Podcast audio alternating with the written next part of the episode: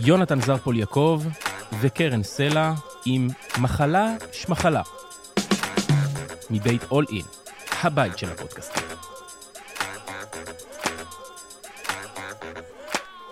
יש, היום אנחנו חזרנו למתכונת הרגילה. נכון, סוף, it's איזה just the two of us. We can make it if we try, just the two of us. טוב, יכולים אה, לעשות כרגע. עכשיו נעשה דואטים פה. טוב, יונתן, התכנסנו, האמת, לנושא מאוד חשוב. נכון, היום אנחנו התכנסנו לדבר על אחד הנושאים הכי חשובים, וזה אהבה. אהבה. אהבה. יש מלא שירים על אהבה, All you need is love. נכון. מה זאת אהבה? כל מיני שירים שאני גם... חשוב, אבל אה, אני חושבת חשוב. שאחת הסיבות שהנושא הזה הוא כל כך אה, פורה, בקוטב החיובי שלו, כי מזה החיים עשויים. בסוף אנחנו נבין שהעולם הוא אנרגיה אחת שהיא בעצם אהבה. ומהקוטב היותר אה, פחות ברור זה כי אף אחד לא באמת אה, מרגיש שהוא מצליח להחזיק בזה עד הסוף לאורך זמן, לא מבינים את זה עד הסוף, אנחנו לא יודעים אם זה דבר סובייקטיבי או אובייקטיבי, נכון. אנחנו משווים, אנחנו מרגישים אותו, אבל לפעמים קצת באופן שונה. ואני ואתה פה, יונתן, כדי לעשות סדר לגמרי. במונח הזה. ובסוף ברמה הגולמית, אהבה זה לא רק אנרגיה, זה איזושהי תנועה, זה איזשהו משהו שזה אפילו לא רגש. אנשים כל הזמן חושבים שאהבה זה רגש כמו כל הרגשות האחרים, אבל uh, חשוב להבהיר שזה מאוד שונה. כי כמו, בניגוד לרגשות האחרים, שרגשות זה בעצם איזה שהן תנועות. נגיד, לפי הרפואה הסינית, רגשות זה תנועות של צ'י. לפי הרפואה המערבית, רגשות זה איזה שהם הורמונים ותנועה של כימיקלים, נכון? נכון. אהבה זה לא זה ולא זה. אהבה זה התרחבות פנימית שהיא נובעת מזרימה וחופש. או, אז כבר התחלת להגדיר לנו, וזה מדהים מה שאתה אומר, ואני אחזור על זה עוד פעם מרוב שזה חשוב. כן, זה חשוב. אז קודם כל, emotion זה energy in motion. זה אמת. הרגשות, אנרגיה בתנועה, אפשר לקרוא לזה המו in motion, המו זה תנועת הדם, כמו המטולוגיה, זה הרגשות, דם חם, הדם עלה לי לראש. ואהבה, חברים יקרים, זה לא רגש, הידעתם? זה לא רגש, זה בעצם מצב קוונטי של התרחבות. לגמרי. ואגב, אם מדברים אגב ברמה של משברים וברמה של החיים היומיומיים או ברמה המיסטית, אהבה זה המנוע המרכזי של אלוהים אפילו. Mm, אולי אלוהים הוא אהבה? אולי. אלוהים הוא אפשרות ים כזאת? של אינפורמציה שהרוח שמניעה אותה זה אהבה. אלוהים, הרוח שמניעה אותו ואת העולם זה אהבה, נכון מאוד. ואז אנחנו יכולים להגיד שבעצם, כשאין זרימה של אהבה, זה מקור להרבה מאוד פתולוגיות ורגשות ותסכולים. כי אנחנו נועדנו להיות ישות של אהבה, ואנחנו בעצם נולדים לעולם מתוך צרכים ראשונים של חום וקור ותלות, נכון. ואנחנו רוצים להתפתח למקום שאנחנו משתחררים מתלות, ובעצם הופכים להיות ישות שאך ורק, אך ורק נותנת ומקבלת אהבה. אמת. אבל גם את יודעת, יש הבדל בין אהבה לאהבה, ויש דרגות שונות של אהבה. והדרגות שרוב בני האדם מכירים היום כאהבה, זה דרגות של אהבה שהיא נקראת אהבה חייתית, או יותר Mm. נכון, לפי שהדת או המיסטיקה יקראו לזה, זה בהמי יותר. זה משהו שהוא צורך הרבה יותר ראשוני, ולהבדיל מהחיה, שאגב, אם תחשבו על זה, גם כלב עובר אהבה, נכון? מהמם. כלב יכול לאהוב עד הגג, אבל תמיד יש לו איזשהו משהו חבוי. החיה, למה קוראים לו כלב? כי זה כמו לב. כמו לב, כלב, זה יפה. כמעט. יש לו אהבת כמעט, זה גם כמעט לב. יש לו אהבה חייתית שהיא תמיד נובעת מאינטרס, והחיה, ההבדל בינינו לבין החיה, הוא שלבני אדם יש אהבה אנושית. Mm. אנחנו מסוגלים לאהוב אהבה שנובעת נטו מתוך הרצון שלנו לנתינה. וואו. רק שנזכה להגיע לדבר אהבה הזה. שהיא נטו מהרצון הרוחני שלנו. עכשיו, בדרגות של אהבה, יש לנו אהבה בשבע רמות, כמו שבע הצ'קרות, ואגב, אני רשמתי לי את זה מאוד יפה. על זה עשיתי שיעורי בית. קרן, את אה, גאה בי? אני גאה בך תמיד, כי אני אוהבת אותך ואני מקבלת אותך ללא תנאי, יונתן. גם אני אין, אין סוף. ליבי פתוח אליך. הנה. אז מה שכתבתי, שסוגי אהבה לפי הצ'קרות, יש לנו למשל, צ'קרה ראשונה, צ'קרת החומר, יש לנו אהבה שהיא חומרית, נכון? עכשיו, על זה אנחנו יכולים לדבר שעות, כי את זה, זה משהו ששלושת הצ'קרות הראשונות לפחות, הן נורא משותפות לנו ולחיה Mm. ברמה היומיומית. יומיומית הישרדותית, כן, נכון? אנחנו צריכים כאילו את ה... לאחוז בצ'קרות האלה כדי להרגיש שאנחנו במקום בטוח. ובמקום של פוריות. זאת אומרת, המקום ההישרדותי זה, יש לו שני היבטים, אחד של ביטחון ואחד של העברה של המין ו- ופוריות ומיניות, אוקיי? נכון.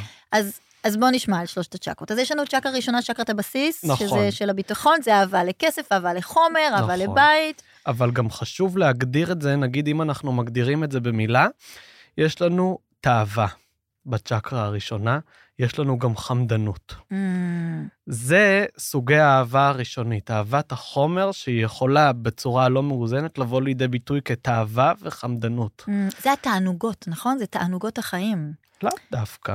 אוקיי, כ- אבל הם נכנסים שם? הם נכנסים, הם החיים? נכנסים, כי בעיניי לפחות, בניגוד להרבה גישות רוחניות, חשוב לנו להתענג על החיים גם. מהמם. נכון? את גם חושבת, מן הסתם את רוצה לאכול איזשהו משהו טעים, את מתענגת עליו עד הסוף. מי, מי כמוני יודע עכשיו בדיאטה שאני מתגעגע לאורז אפילו. אפילו דבש יונתן רצה ולא אישרו לו לגרון. אפילו דבש, ענת, באימא שלך. אני אתן לה בכוונה לשמוע את הפרק הזה, הייתי אצלה עכשיו. שתשחרר אותך. סתם לא, היא דיאטנית נהדרת, באמת, אה, מאוד מומלץ אם. צריך. אבל באמת לא סתם הגענו לאוכל, כי גם כן. אוכל נכנס בתוך הצ'קרה הזו של הביטחון והתענוגות. תראה, הרמב"ם אומר לאכול בשמחה. נכון. אז אני אוכלת את השוקולד שלי בשמחה.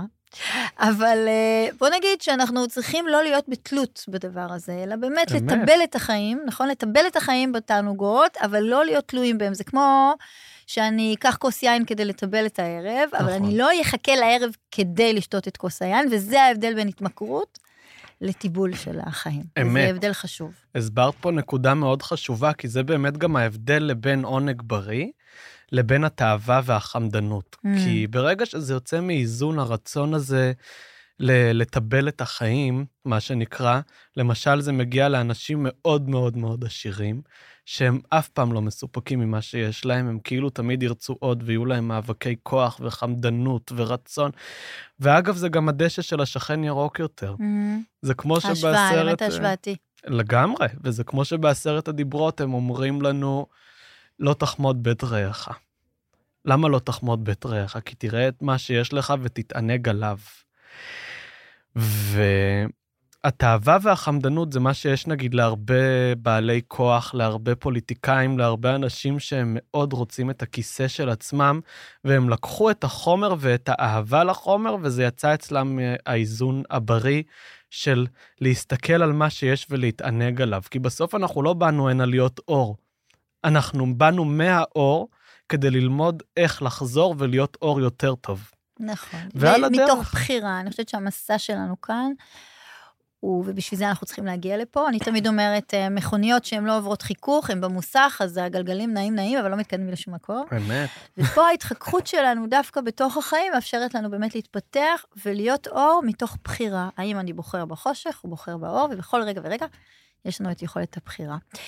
אז יפה, אז מהצ'קה הראשונה הבאנו גם את האור והחושך בתוך החמדנות, לעומת באמת איזו תשוקה על החיים שהיא גם יכולה להיות מאוד מאוד בריאה ומבריאה. אני גם אומרת נכון. שהרבה פעמים יש לנו יצירתיות בתוך אה, חומר. זה יכול להיות באמת מקום להשראה מאוד גדולה, גם אוכל יכול להיות יצירתיות ברמה גבוהה, ו- וכמובן שאומנות, וכמובן שגם מחול, נגיד, תענוגות, שאת רוקדת. וגם מחול, שהוא גם יכול להיות בתוך החומר, בתוך הגוף, וזה דרגות בתוך העשייה, והסימן הוא עד כמה אני בתלות וצריכה עוד ועוד ועוד ועוד, אל, אל מול הדבר שבעצם גורם לי להיות אדם שאחר כך יוצא לעולם עם יותר אנרגיה ורצון לנתינה. את יודעת, בא לי עכשיו הערה תוך כדי שאת מדברת, שאמרתי לך על מחול, שמחול הוא ממש מהצ'קרה השנייה. הוא ממש Mm. ביטוי חי של הצ'קרה השנייה. כי הצ'קרה השנייה היא באה ללא מילים. Mm. היא באה בעשייה מאוד תנועתית, מאוד גופנית, מאוד פיזית, ומעין איזושהי תחושה פנימית שרוצה להתפרץ החוצה. מהמם. והצ'קרה השנייה, במילה אחת, זה חרמנות. חרמנות, אנחנו אוהבים. החיים, כמה זה חשוב. צ'קרת החרמנות שהצבע שלה הוא צבע כתום. כתום, נכון? לכל צ'קרה יש צבע, יש גם תו שהוא מקביל לה, אז הצ'קרה הראשונה, הצבע שלה הוא אדום, ואנחנו עכשיו עם הצבע הכתום. צ'קרת החרמנות, מה יש לך לומר עליה? לגמרי.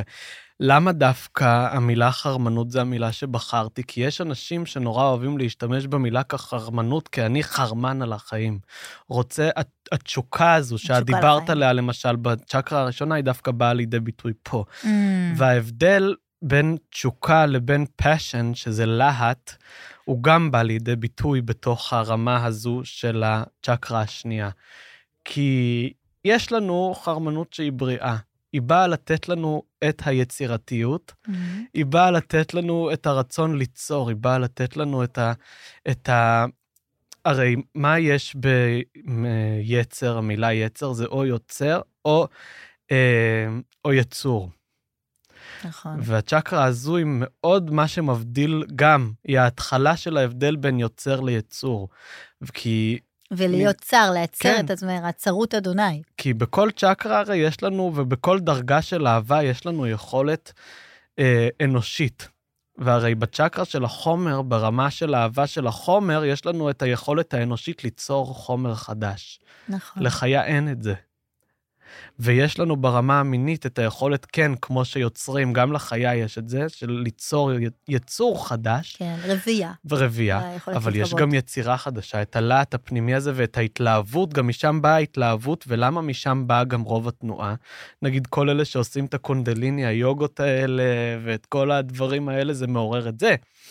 זה מעורר את כל האנרגיה הזו שעולה למעלה ורוצה להתפרץ החוצה ורוצה לפזר, רוצה לעשות, רוצה לזוז. ומחול מאוד מאוד מניע את זה. זה ה twerking, twerking, שעד היום אני לא יודעת לעשות את זה, שזה בעצם עובד עם המרכז השני ומשגע את העולם, ומניע אנרגיה, זה באמת מקור אנרגיית החיים. אמת. יפה מאוד. אז אנחנו עוברים למרכז השלישי, ואני מחזירה אותנו באמת לנושא שזה נושא של אהבה, זה דרך שלנו לקבל ולתת אהבה. אז זה גם בתוך החומר, ביצירה, ביצרנות, במיניות, בתשוקה לחיים. ועכשיו אנחנו במרכז שמתעסק בעולם של החברה. נכון. עכשיו, במרכז הזה זה ממש המעבר בין אה, אדם לחיה, הוא מתחיל את המעבר הזה, כי זה דברים שהם מאוד אה, שונים מאהבה של חיה הישרדותית. אה, למרות שבכל מרכז יש הרי את האהבה האנושית, פה זה יותר בא לידי ביטוי, כי פה אנחנו כבר יותר רואים גם את האנשים האחרים. אה, דרגת האהבה השלישית זה אהבה לחברים, כמו שהתחלנו במרכז השלישי, ואהבה שבטית, אהבת השבט. עכשיו, ברמה הלא מאוזנת, זה יכול להוביל אותנו חזרה לאהבה חומרית, Hmm. שזה אהבה טריטוריאלית. הצורך הזה בלהיות חלק ובלהיות שייך וזה, ותלות בשבט שלנו, במקום אהבה חברתית, שזה לאהוב את הסביבה שלנו, את החברים שלנו, לייצר מעגלי חברה בריאים. אה, ויש הבדל, אגב, בין זה לבין משפחה, כי האהבה של המשפחה היא יותר עמוקה במובן הזה.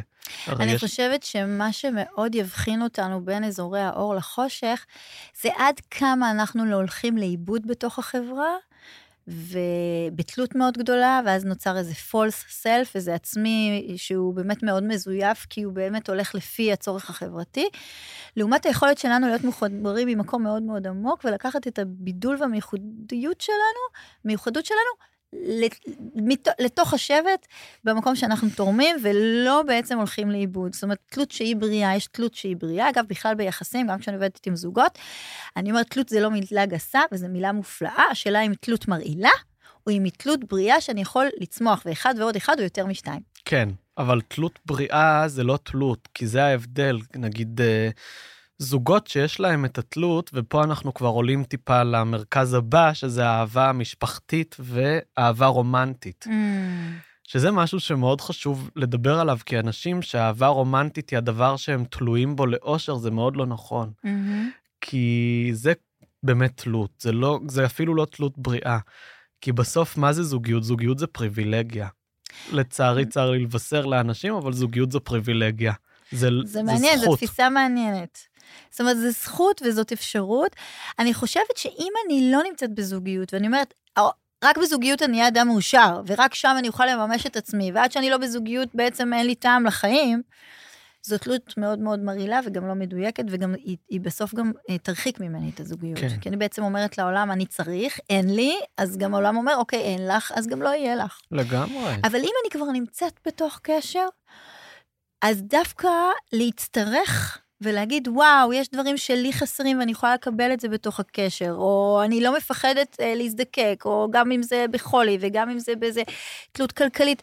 אני פה באמת נותנת לעצמי להזדקק ממקום של נתינה וקבלה, שזה, שזה תהליך מאוד מאוד בריא ומבורך. לגמרי. ולא נתינה וקבלה שאני מתביישת, שאני חסרה, שאני זקוקה, שאני אה, מקבלת רחמים, שאני לא מספיק. כן, המקום הנרקיסיסטי הזה זה שלא יכול מדהים. להגיד חסר לי. זה מדהים, אבל, אבל פה יש הבדל מאוד גדול בין תלות, לבין, זה ברמה הטרמינולוגית, כן? כי פה מה שאת תיארת עכשיו, טורמינולוגיה. טורמונולוגיה, ברוח התקופה, אה, ההבדל פה הוא בין תלות לבין שיתוף פעולה.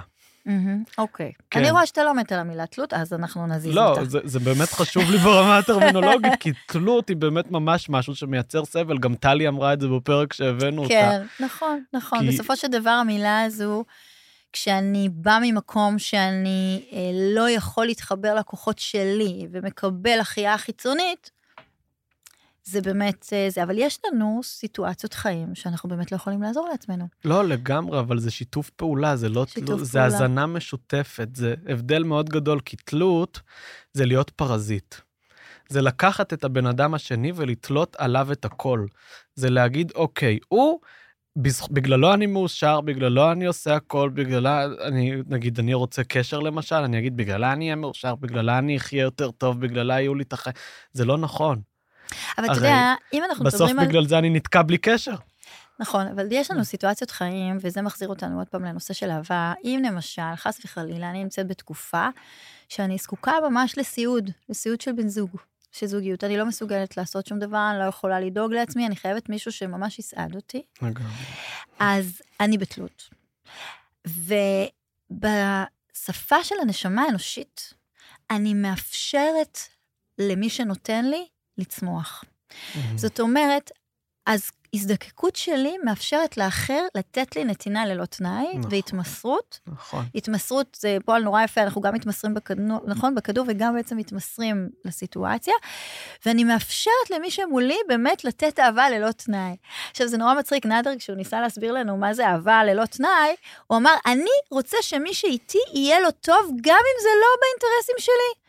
הוא נתן למשל דוגמה, בעל חוזר מהעבודה, מוצא את אשתו עם השכן במיטה, נכון? אתה זוכר את זה? כן. אז, אז הוא, הוא אומר, אני, אני יכול אה, לצאת מדעתי, אבל הוא אומר, "אה, אהבה אמיתית, טהורה, ללא תנאי, תבוא לשכן ותגיד לו, תגיד, קר לך, אולי אתה צריך שמיכה.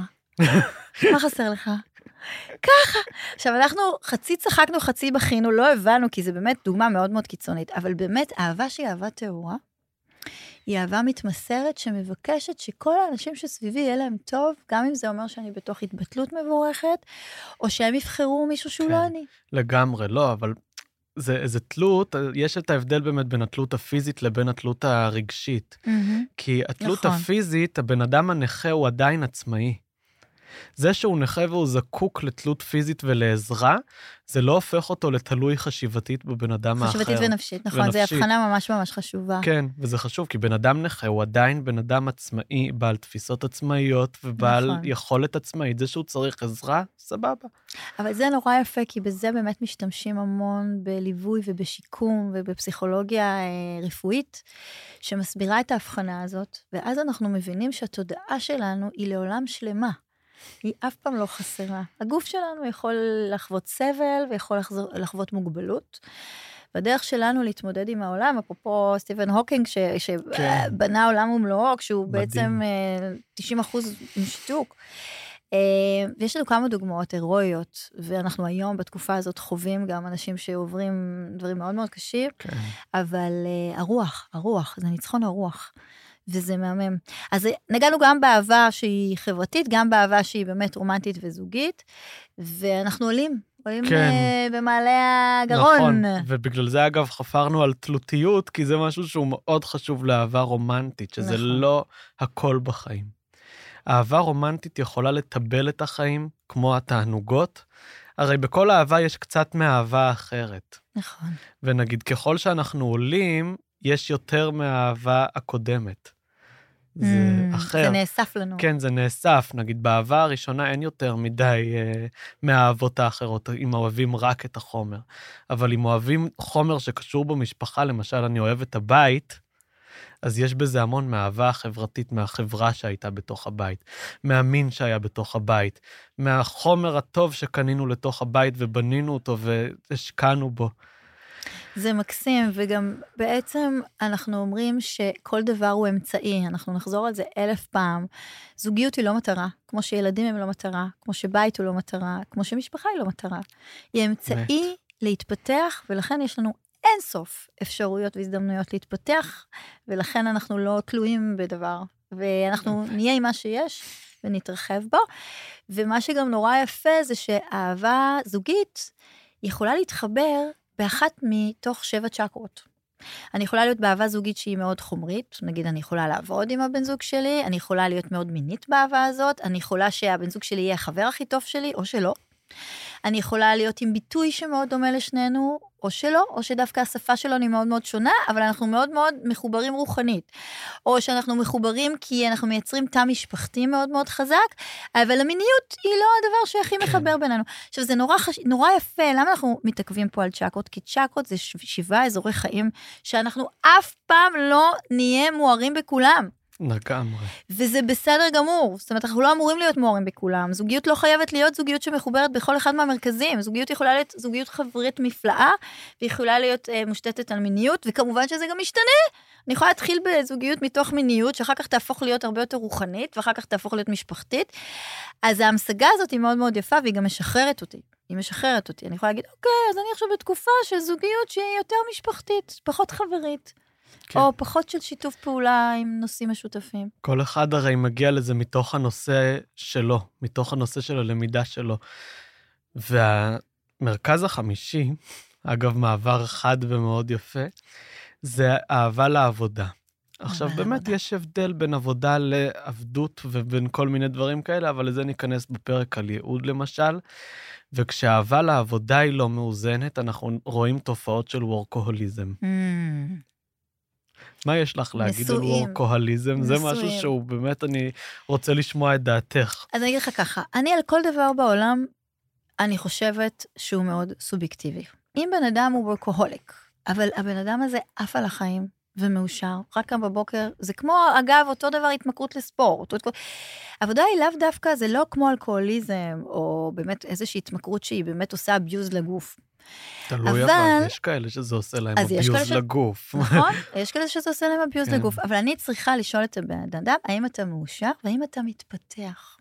בדיוק. עכשיו, אפשר להגיד שברמה הסטטיסטית, המון אנשים, הוורקוהוליות שלהם, היא בעצם ממלאה איזושהי ריקנות נורא נורא גדולה.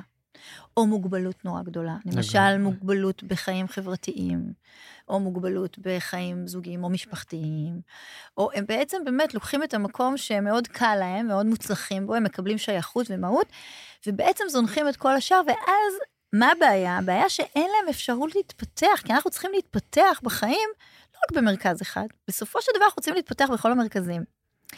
אז אנחנו צריכים לשים לב, ופה נכנסת התודעה. תודעה זה איזו התעוררות שאתה מתחיל לשאול את עצמך שאלות. אני למשל התחלתי לשאול את עצמי, כי אני רוקדת כל יום, אני רוקדת המון, ופתאום הרגשתי שפתאום אה, יש לי כל מיני אירועים כאלה, ואני מתבאסת, כי זה על השיעור שלי וזה על השיעור שלי. ואז אמרתי, כן, תגידי, מי משרת את מי? החיים את המחול או המחול את החיים? ואז פתאום באמת, זו הייתה מין התעוררות כזאת של רגע, יש לך פה איזה משהו שהוא נורא נוח לך, את נורא נהנית בו, את גם מתפתחת בו, אבל הוא לוקח לך ליטרת חיים מאזורים אחרים. ואני חושבת שזה מה שחשוב, לשאלתך, המודעות הפעילה, ההתעוררות הזאת, שאנחנו נדבר עליה גם, כמה הדבר הזה הוא חשוב, מאוד. ולהתחיל לשאול שאלות בצורה חופשית. האם בשביל מה אני עושה את מה שאני עושה? עד כמה הוא מאוזן עם שאר החיים? כמה הוא לוקח לי על חשבון משהו אחר? עד כמה זאת בריחה?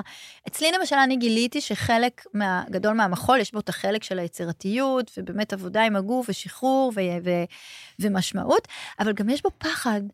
פחד להתנוון, פחד להזדקן, פחד להיות במוגבלות, פחד לא להיות עם אותה הגמישות שהייתה לי, פחד להתבגר.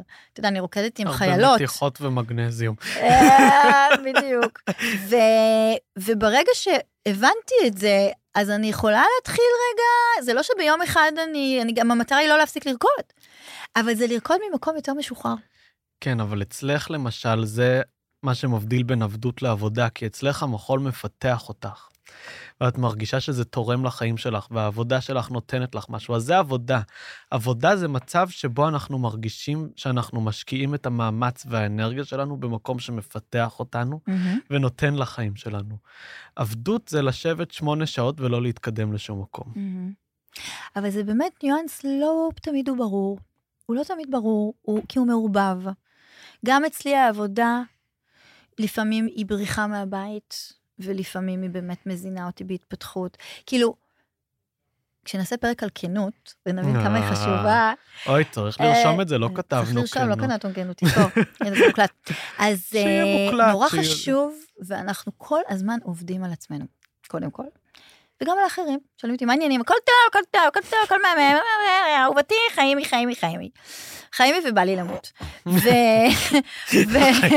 וגם על עצמנו, גם על עצמנו. אנחנו לא, כי זה לא פשוט להיות בכנות, כי הרבה פעמים אנחנו נעמוד מול אה, מצבים שאין לנו כל כך אה, תשובות, ודיברנו על זה שחוסר אונים זה הדבר הכי קשה, יותר מאשר כאב, יותר מאשר התקפה, או חוסר ודאות וחוסר אונים. וכשאני מתחילה לשאול את עצמי שאלות, אני לא תמיד יש לי את התשובות. אז לא לפחד, לא לפחד רגע לעמוד, לעשות רגע איזה בדק בית, לא כל יום באובססיביות, ולהבין רגע למה אני עושה את הדבר הזה, איך, האם השבוע משרת אותי כמו שהוא שירת אותי לפני חודשיים או שנתיים, ולשנות, לשנות דברים ולהיות כנה עם עצמך. לגמרי. אז זהו, אז גם אני יכולה להגיד לך במקום נורא כנה, שהמחול אצלי הוא משרת המון דברים, בחלקם זה אור גדול, בחלקם זה, אני קוראת לזה חיזוק שלילי, זה כן. לפרוח ממשהו, לפחד ממשהו, אבל ככל שאני מודעת לזה יותר, אני, טוב, אני בכל משתדלת דבר יש לו את לטפל. האין והיאנג שלו, מה שנקרא. לגמרי, בתור והחושך, על. השתי צ'קרות האחרונות אנחנו קצת יותר נרפרף. אה, כי אני חושב שבאמת בגלל שפתחת פה את הנושא של אהבה ומודעות, זה משהו שהרבה יותר חשוב שאנחנו נעבור עליו. אבל השתי דרגות האחרונות של אהבה הן הרבה יותר טהורות, כי יש לנו... כל הדרגות האחרות הן מאוד, גם יש אותן הרי לחיה. הצ'קרות זה משהו שיש גם לחיה. אה, וחיה יכולה לאהוב את המשפחה שלה, היא יכולה להיות חרמנית, היא יכולה להיות אה, אוהבת את החומר והטריטוריה שלה, היא יכולה לאהוב את השבט שלה, היא יכולה לאהוב את הרצון לביטוי שלה, זה במקום העבודה אצלנו, האנשים. אה, היא יכולה, אבל בני אדם יכולים לקחת את זה למקום אחר של גם נתינה דרך המקומות האלה, מהמם. ושל בניית משהו חדש, כי האהבה היא מנוע. וברמה השישית של אהבה זה נקרא בעיניי גם לפי התנ"ך ואהבת. ואהבת. מה שאומרים הפסוק ואהבת לרעך כמוך זה הדרגה השישית של אהבה, מהמם. וזה, אני לוקח דווקא רק את המילה ואהבת, כי המצווה הזו מלווה מאוד עם הייעוד שלנו בתור בני אדם. אנחנו אלה שבאים לכאן כדי לאהוב. לשם כך הגענו. כן, אנחנו באים הנה כדי ללמוד לאהוב, וזה מחובר לייעוד שלנו, הצ'קרה השישית הרי צ'קרה של ייעוד. נכון. אה, ברגע שזה יוצא מאיזון, זה שאני לוקח את זה למקומות לא של ואהבת, אלא למקומות של אה, יותר פיזור. פיזור. כן. יציאה מהפוקוס. יציאה מהפוקוס, לוקח את זה לאהבה לא מודעת, לוקח את זה ללמד אנשים סתם. לא באמת איך לאהוב או איך אה, להתחבר למקום הזה של אהבה. אבל אבל נקייה. כן, מה שיש, נגיד, בדרגה השביעית זה פשוט אהבה.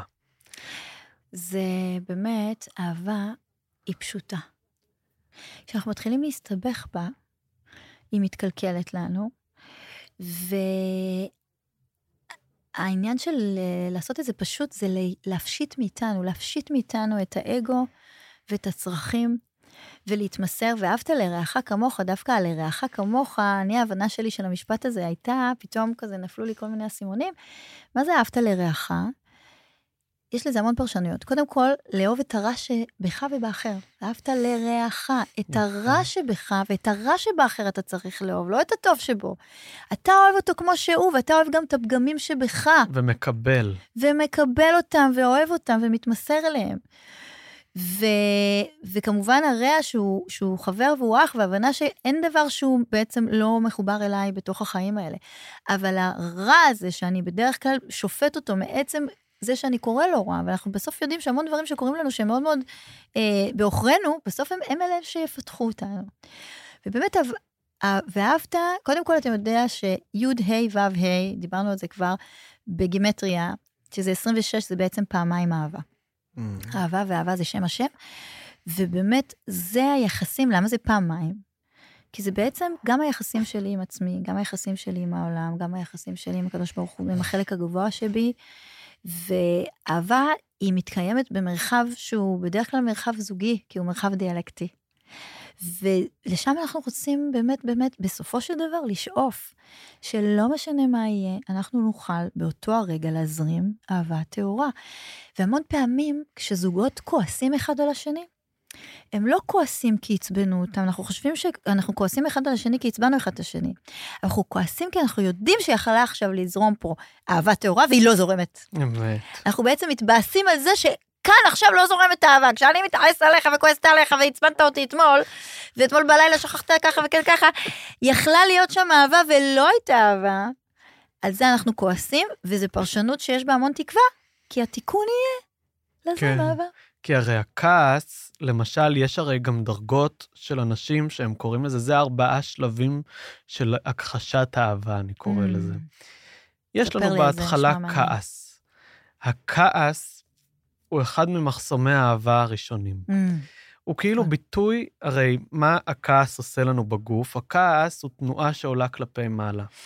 לפי... אדם עולה כן, לראש. גם לפי הרפואה הסינית, שאני אוהב להזכיר אותה המון, הכעס שלנו מאוד מקושר בצ'י של הכבד. אה, נאדר מקשר את זה לכיס המרה, ואני מסכים איתו בגלל שכיס המרה הוא המוציא לפועל של הכבד. נכון. אבל הכבד הוא השורש כי הוא מרים את כל האנרגיה למעלה. כבד, החיים כבדים, כבד. הכעס עושה את החיים כבדים. והכעס הוא זה שרוצה, לש... הוא כאילו רואה מחסום, למשל חסום לי פה, הכעס בא כדי לעשות לו טק טק טק אה. בעצם בא לשחרר אותנו. כן, הוא יפה. בא לשחרר זו אותנו. מחשבה יפה. הוא בא כמו מקוש לפתוח את המחסום הזה. עכשיו, אנחנו לא מודעים לזה. והדרגה הש- השנייה מתוך ארבעת שלבי הזה, היא זעם. זעם, זעם זה כבר כעס עצור בדרגה הרבה יותר גבוהה, נכון. שהוא גם מתפשט לכל הכיוונים, מייצר איזושהי... הרי אהבה שהיא לא מדוברת, היא מייצרת מחסומים. אהבה שהיא היא לא מטופחת גם מייצרת מחסומים. ואהבה שבאה ממקומות שליליים גם מייצרת מחסומים. אמרת פה שלושה דברים נורא יפים שאני רוצה לתת להם מקום קצת יותר. אתה אומר ככה, קודם כל הזנחה של אהבה, נכון? לא מטופחת, זה נכון. מאוד חשוב. כשאנחנו לא מטפחים את הגינה, יבואו לנו, נכון, עשבים וטפילים. אותו דבר במערכות יחסים, גם עם עצמנו אגב, וגם בתוך אה, מערכות יחסים זוגיות, חברתיות, ואז אנחנו חייבים לטפח את האהבה שלנו. מה הדבר הנוסף שאמרת? אה, אמרתי, כן, הנה, אנחנו חוזרים ועושים שם סדר. כן, אבל הייתה זרימה נורא יפה, שאנחנו בעצם אומרים, מה בעצם אה, תוקף לנו את האהבה? כן. ואיפה אנחנו צריכים שזה לטפל בה. פותח, שזה פותח את ה... עכשיו, שתי הדרגות הבאות זה כאילו של משהו שיותר מתכנס פנימה. מהמם. אחר כך בהתכווצות, זה כמו ארבעת שלבי החיים של אה, גירוי, התרחבות, התכווצות והרפייה. הכעס הוא הגירוי, הזעם הוא ההתרחבות, הבא בתור זה איבה. איבה. ויש הבדל בין איבה לשנאה, כי איבה זה איזשהו זעם שגם הופך לאיזושהי אויבות. זה mm. כאילו אני מה- מהאהבה, אני רוצה את האהבה, אז במקום לאהוב אני הופך את האובייקט הזה לאויב שלי. אתה יודע שבפסיכולוגיה, מה שנגיד זה מנגנון שבעצם באופן לא מודע אומר, אני רציתי אותך, רציתי בחברתך, כן, ש- שלחתי לך יד, היד חזרה קרה, היד שחוזרת אחרי שהיא הושתה היא כבר לא אותה יד שיצאה, יצאה חמה עם רצון, חזרה קרה. איך אני פותרת את זה? אני אומרת, אני לא צריכה אותך. לא רק שאני לא צריכה אותך, אתה רע. לא רק שאתה רע, נכון. אתה גם מוגבל. ואז אני שמה השלכות כדי להסביר כמה אני, זה האיבה, זה, זה, זה לבוא ולהשליך ולהוריד ובעצם לייצר הרעלה של מי שמולי, כדי שאני אסביר לעצמי מדוע ממילא לא הייתי צריכה אותו. כן, אוי, מדהים. אבל מה שאני עושה, אני בסוף מרעילה את הנשמה שלי. נכון, והמפתח לטפל בזה הוא להבין שאנחנו לא צריכים את האובייקט השני כדי לאהוב אותו. Mm. אנחנו לא צריכים את הרשות שלו. אנחנו יכולים פשוט להושיט את היד ולהשאיר אותה שם. זה שהוא לא נותן בחזרה, לא אומר שאנחנו לא צריכים, שאנחנו צריכים להפסיק. להפסיק לאהוב. כן. וזה המפתח לאיבה. וואי, זה מהמם. אתה יודע שחלק מההתפתחות שלי כמטפלת, אני פעם, כשמטופלים היה להם התקפי זעם, זעם זה מהמקור הנרקיסיסטי. זה זעם נרקסיסטי קוראים לו כשהוא מגיע לזעם. זה, זה הילד הזה שצורח שאיך אתה לא אוהב אותי? איך אתה לא נותן לי? איך נוטש אותי? ומטופלים זה שלב נורא הכרחי בתוך הטיפול. ופעם היה לי יותר קשה להתמודד, כי עוד לא ישבתי בכיסא, ולא הבנתי בדיוק מה אני עוברת, והייתי מתפתלת, והייתי נורא מזדהה, ואז הייתי נורא מטפלת בזה באיזה חמלה. שזה גם נהדר. היום, זה בדיוק מה שאתה אומר, אני באה ואני יכולה להגיד למטופלים, וגם לאנשים שסביבי, וגם למשפחה שלי, וגם לבעלי, וגם לחברות שלי. בעלי, כשהיה לי ילד אה, ראשון, הייתי בלתי נסבלת, בלתי נסבלת.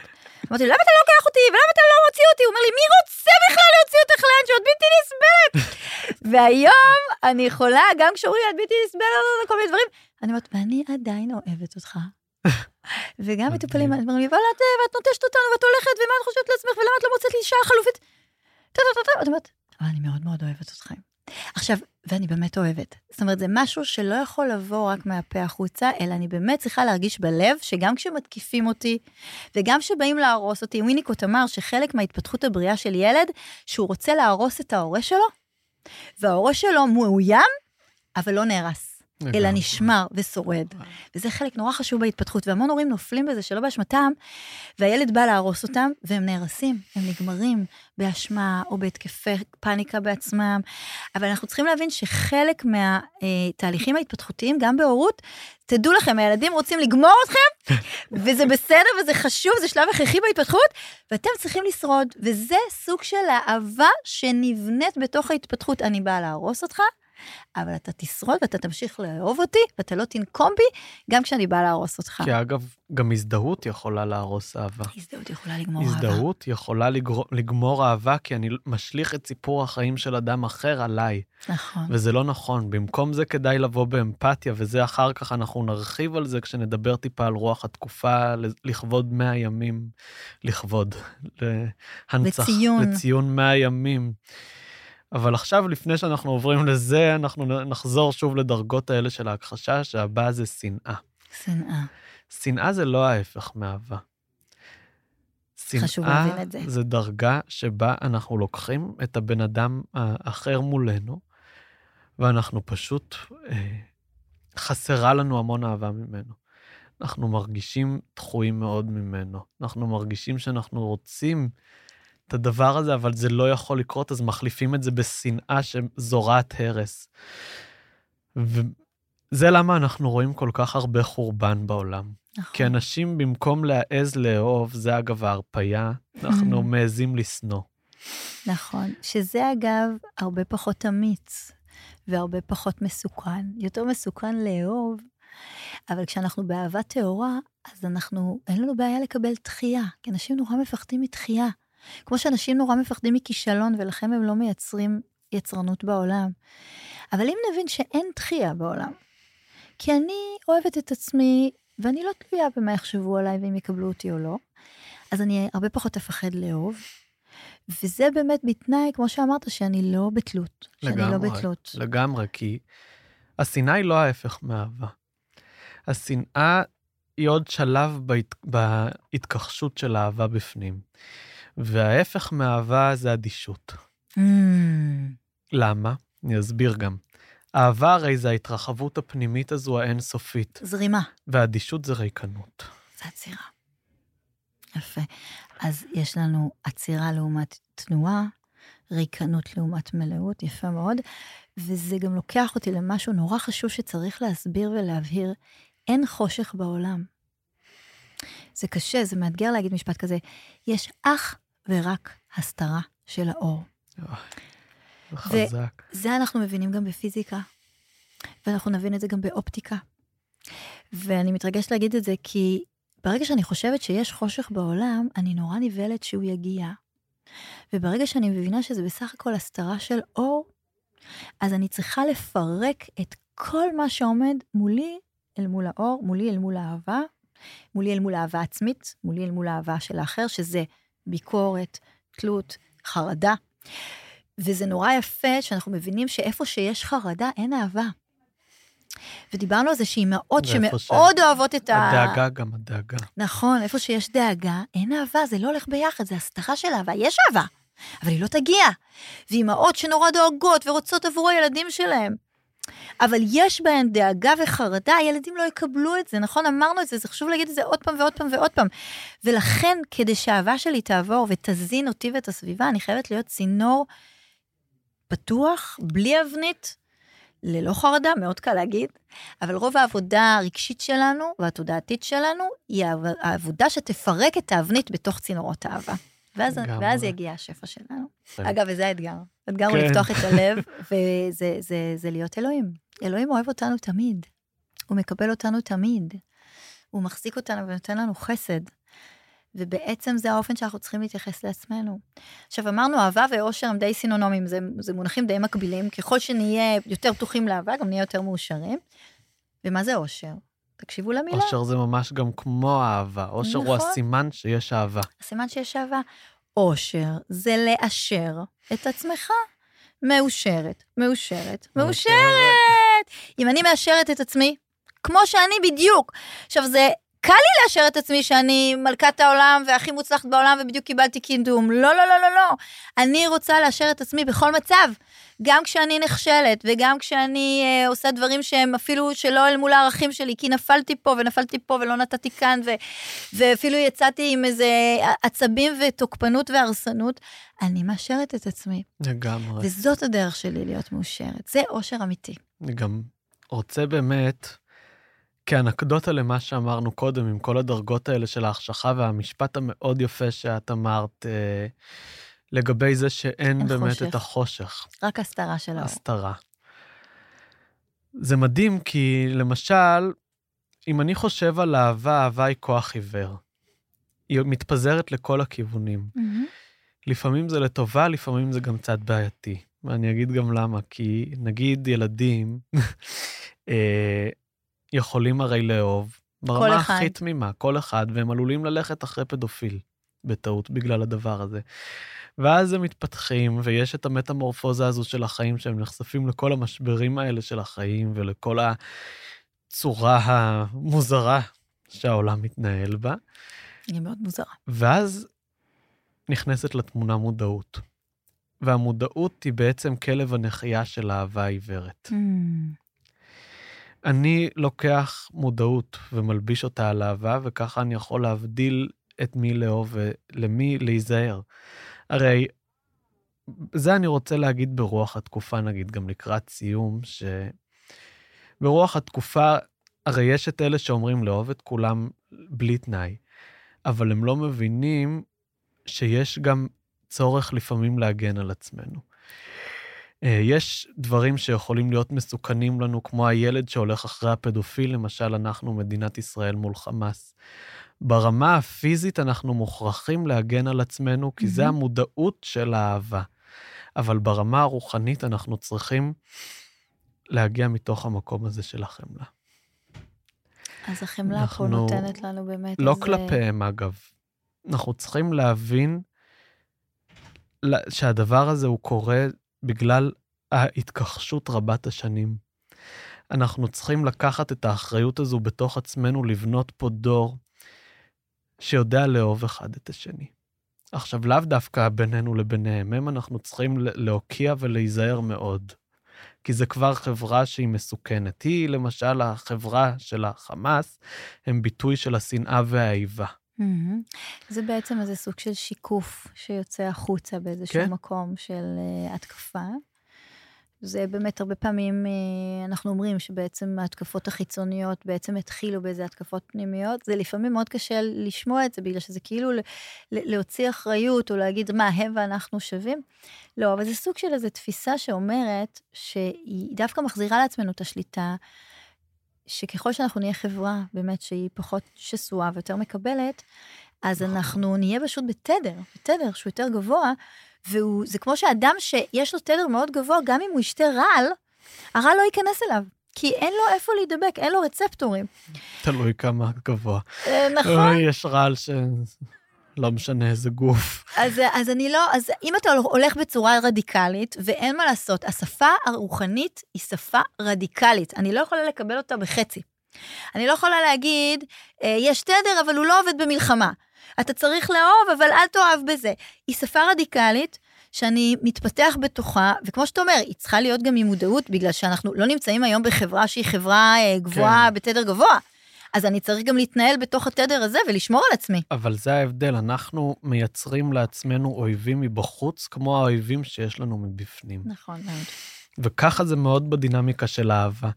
אנחנו יצרנו לנו אויב מבחוץ, שהוא הביטוי הכי גדול לשנאה ולאיבה שיש לנו. כלפי פנים.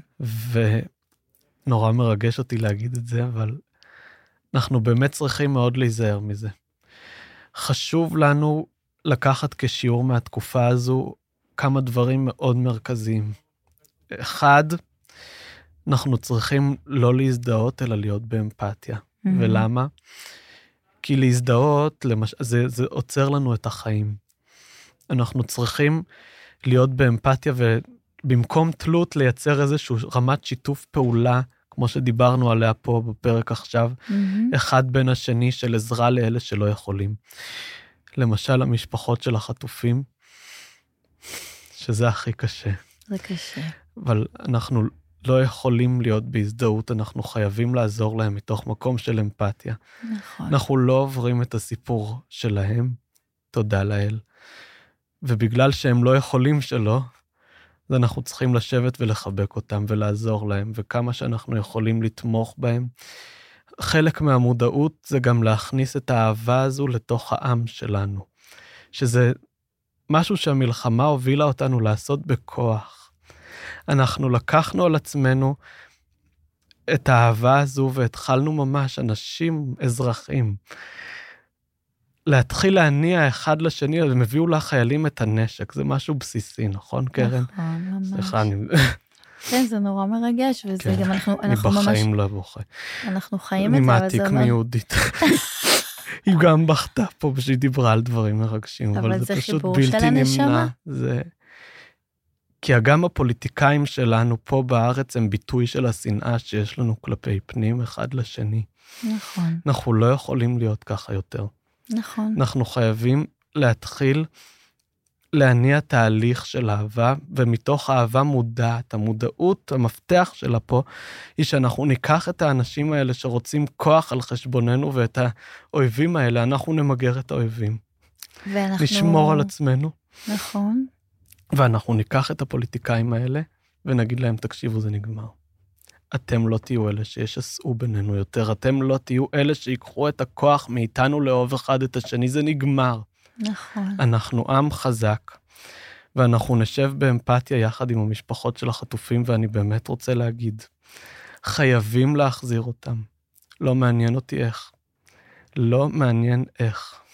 בכל אה, אפשרות שיש. כן, כי די.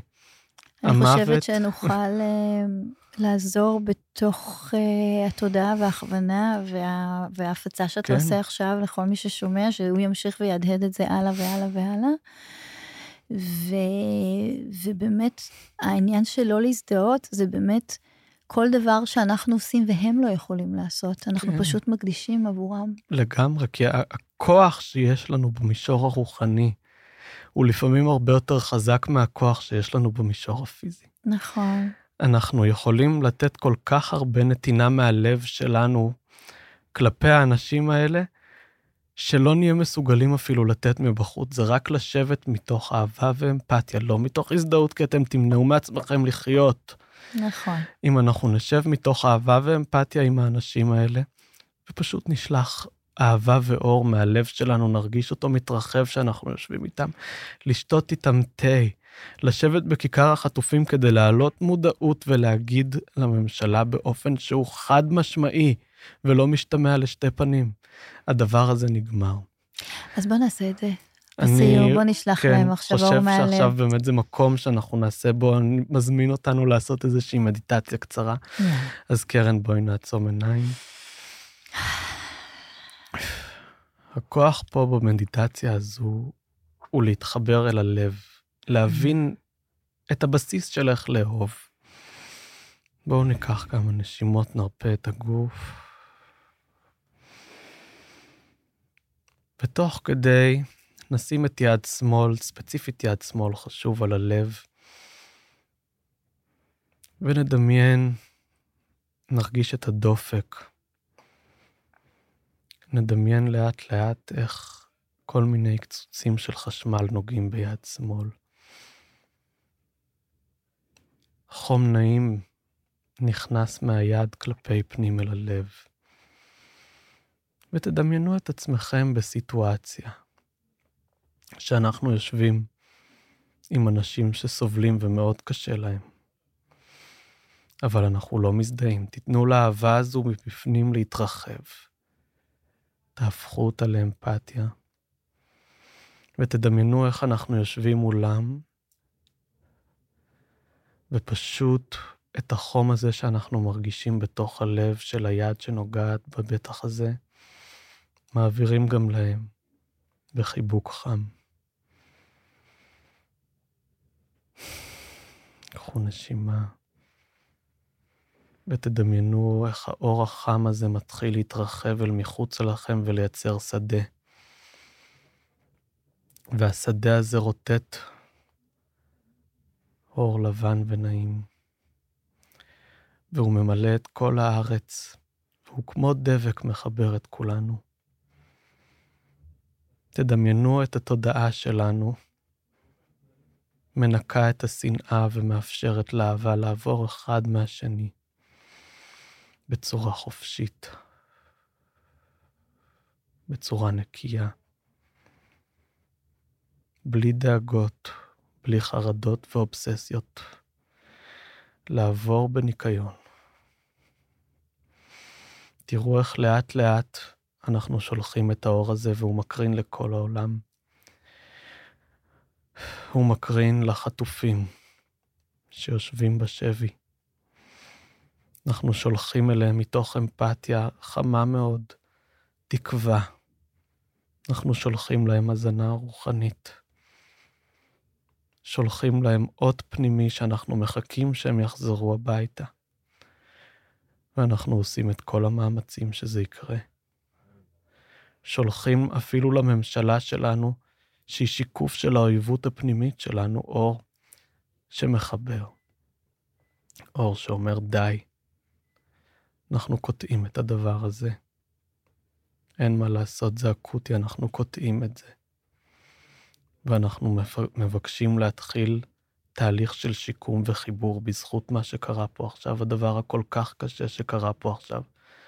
אנחנו מתחילים תהליך של שיקום, תהליך של חיבור.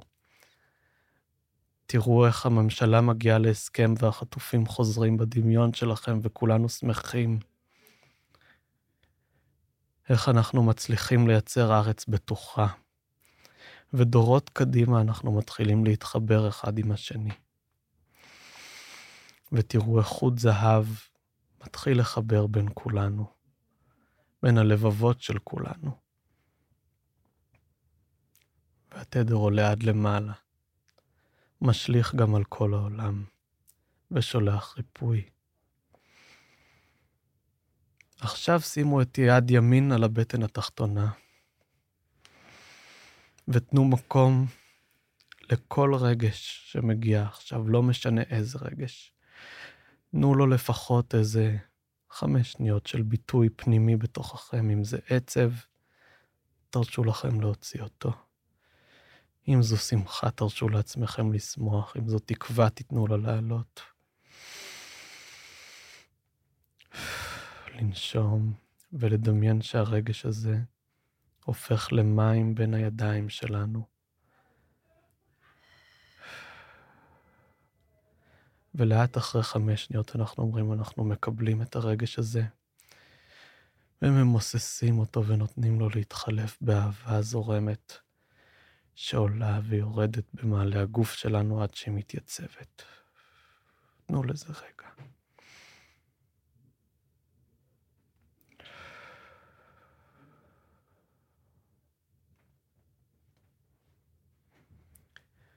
ובספירה משלוש עד אחת אנחנו לאט לאט חוזרים לתוך הגוף, מתמלאים בתוכו ומתמסרים לתוכו,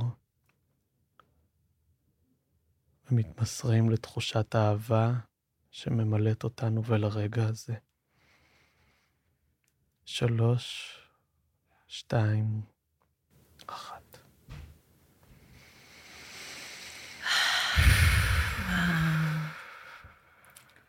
תודה על זה, יונתן. תודה. נוכחות. ואנחנו בנוכחות הזו נסיים ובאמת נאחל שהאהבה והאור ייתנו אותותיהם ויתרחבו עוד ועוד, ואנחנו נתראה בהמשך. יש בי אהבה והיא תנצח, מה שנקרא.